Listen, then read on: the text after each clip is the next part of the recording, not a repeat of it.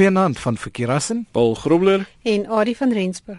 Ons gaan nou uh, vanaand op die see kom of op Sailfish. Ja nee, ons het verlede week 3D webblaaiers en op die internet rondgevoeter en nou hierdie week ehm um, gaan kyk ons na visse.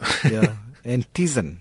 Tizen, dit dit seker nie 'n vis nie. Nee, nee, wel beide is nee. Wel. Die vraag was wat is tizen en sailfish en waarvoor word dit gebruik? Ja, nou sailfish kan jy natuurlik eet, die eetbare weergawe, maar ja. ons is nou natuurlik nie uh, by daai weergawe nie. Ons is met die uh, elektroniese gedeelte uh, te doen.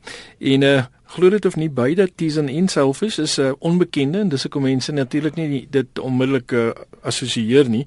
Uh dis onbekende Linux gebaseerde slimfoon bedryfstelsels. Um, ek dink nie uh, ons besef altyd hoeveel bedryfstelsels eintlik daar buite is nie. Uh, ek dink ons meer as wat mense dink en van weet.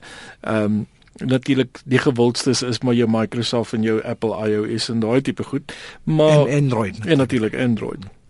En uh, nou beide hierdie uh, is basies soos Android, maar dit is nie Android nie. Um Selfish het 'n interessante agtergrond, glo dit of nie. Um Nokia het 'n Linux gebaseerde slimfoon bedryfstelsel genaamd um, Maimo ontwikkel uh, wat dan met die Intel se Moblin 'n uh, projek saamgesmelt het en er noem is nou MiGo.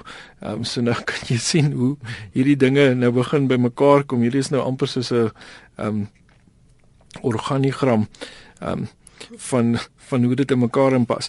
Nou ja, die Nokia N9 was uh, die enigste MiGo slimfoon wat Nokia vrygestel het en uh, toe het Nokia besluit uh, die ontwikkeling op die MiGo het hulle toe nou gestaak en hulle toe nou oorgegaan na die Windows Phone bedryfstelsel soos wat ons op die meeste uh, van die nuwe Nokia fone dan nou heidaglik sien.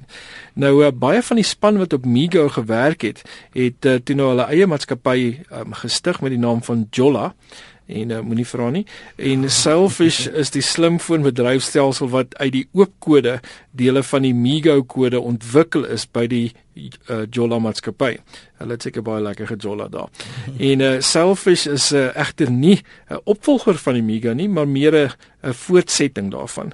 So Selfish het 'n beperkte versoenbaarheid met Android, um, en dan nou natuurlik die, die apps wat daarmee saamgaan. So uh, hulle is nie gaan nie lekker saamwerk met Android nie. Dan die ander ene is Tizen en ek dink dalk bietjie meer mense veral die wat uh, van die um, horlosies gebruik wat deesdae saam met die fone kom, het dalk al van Tizen gehoor. Tizen is 'n oop kode platform wat met die Samsung um, geassosieer word en uh, dis 'n bedryfstelsel wat gebruik kan word in plaas van Android. Uh, maar dit het die probleem dat dit nie versoenbaar is met Android toepassings nie en dit het ook geen toepassings van sy eie nie. So op hierdie stadium is daar nog nie regtig applikasies uh, wat op hierdie oop kode platform kan hardloop nie. Uh Tizen word gebruik op die oomblik op die slim horlosies van die Samsung soos ek genoem het, soos byvoorbeeld die Galaxy Gear 2. En uh hierdie twee is egter nie die enigste ander Linux gebaseerde slimfoon bedryfstelsels nie. Uh daar is ook nog Mozilla se uh, se Firefox um, OS wat uh, gebaseer is op die Firefox webblaaier en dan ook die Gecko leweringsengine en waar elke toepassing web webtegnologie soos byvoorbeeld HTML5 gebruik. Uh bekende ander ene Ubuntu Linux uh, wil ook sy raak, uh, raakskerm weergawe uitbring van die bedryfstelsel wat ook op slimfone en slim TV's gebruik kan word. En uh Amazon het natuurlik dan die Fire OS uh wat op die Kindle gebruik is en maak nou ook 'n slimfoon en dit sal die Fire slimfoon wees. Uh hopelik sal jy nie jou hand brand nie. Uh wat dan op die Android gebaseer is um en nie nog 'n weergawe van Android open source project of AOSP kode nie, maar dis 'n ontwikkeling in sy eie rigting. En dan is daar laastens nog die Web OS wat deur LG gebruik word vir slim TV's. Nou ek weet sover ek weet my LG ag nee, ekskuus my o nee, dis omdat dit Samsung is. My Samsung TV gebruik natuurlik die Android ehm um, sagteware hmm. natuurlik ook vir hulle slim TV's. So ja, baie interessant die verskillende tipe um bedryfstelsels wat daar buite is en uh, ons gebruik dit natuurlik op verskillende toestelle.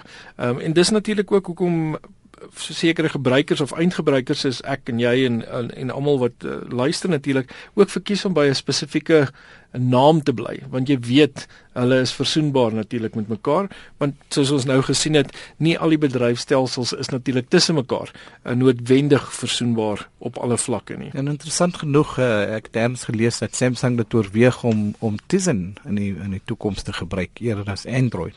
En dit sal dalk nie te slim wees nie of hoe dit. Ja, dit gaan hulle sal moet um, on, hulle sal moet definitief programmeerders kry om vir hulle dan die die toepassings te skryf. Ja. Um omdat dit nie toepassings het van sy eie nie. Ja. Nou ja, om meer te lees oor Tizen Sailfish en so aan, um kan gaan daar's 'n uh, interessante artikel daarop by www.howtogeek.com. Um en dan is daar ook sien maar by trusted uh trustedreviews.com is daar ook nog verder inligting en dan sê net maar byvoorbeeld sailfish kan mense gaan oplees by sailfishos.org. So kan mens die uh reviews op trusted reviews glo. uh, ek glo eintlik so. ons ons hoop sy baie keer het op plekke naam en dit uh uh om vir jou 'n positiewe indruk te gee, maar dit is nie altyd noodwendig positief nie, maar nou ja. Ehm um, natuurlik uh, ons webwerf kan jy vertrou. So gaan gerus na rsg.co.za en uh, gaan kyk onder Charlatheid na die rekenaar rubriek en daar sal jy hierdie skakels kry waaroor ons gesels het, uh, sowel as van ons vorige programme en uh, alles wat interessant is. En natuurlik as jy iets uh, het om met ons te deel, dan kan jy ook vir ons 'n e-pos stuur na rekenaar by rsg.co.za.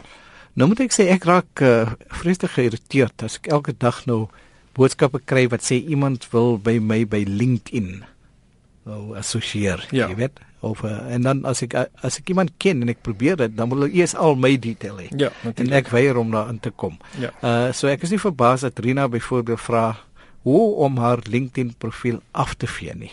En Ari het gaan kyk hoe ons dit kan doen. Ja, daar is instruksies om te kyk. Natuurlik is dit by 'n LinkedIn webwerf self, is help.linkedin.com, skynstreep app, skynstreep um answer, skynstreep detail en dan is dit A en dan die onderstreping ID skynstreep 63. So dit is moontlik om dit te gaan afvee. Goed, ek gaan dit ook probeer vanaand. As keuse te kom. Kyk of kyk, ja, kyk of minder mense jou nou afvla. Ja, ja. Maar ek ek wonder, daar gaan steeds mense wees wat vir jou e-pos stuur wat sê ek se graag by jou wil by inkom by LinkedIn. Ja, jy hulle wil ja. jou hulle wil jou byvoeg by dit ja. en ek wil jy daar's nie regtig 'n manier om noodwendig van dit ontslae ja. te raak nie. Wel van e-pos gepraat en uh in Microsoft Office Outlook en uh, Janie gebruik 2007 sê en dit wys nie vir hom prentjies nie net rooi kruisies, maar dis nie net 2007 waar jy kruisies kan sien nie, kan in die, in die jongste weergawe is ook. Ja, natuurlik, maar dit, wat hy daarmee bedoel is, um as hy sy as hy sy Gmail gebruik en selfs daar is 'n kruisie en jy gaan en jy gaan klik op hom en jy sê vir hom hy moet vir die prentjie wys, dan wys hy die prentjie. Maar dit wil glad nie dit in in Outlook 2007 doen nie.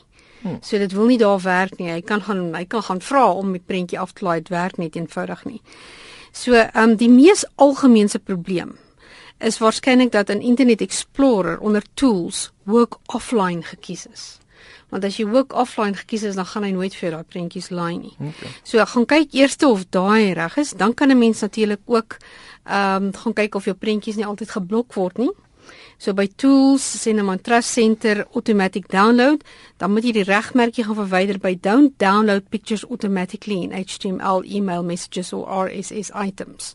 So dit kan 'n rede wees. En dan kan dit selfs Word wees wat wat um Microsoft vir een of ander rede nog steeds nie gebruik. Um nee, dit gaan jy moet gaan na webwerf toe.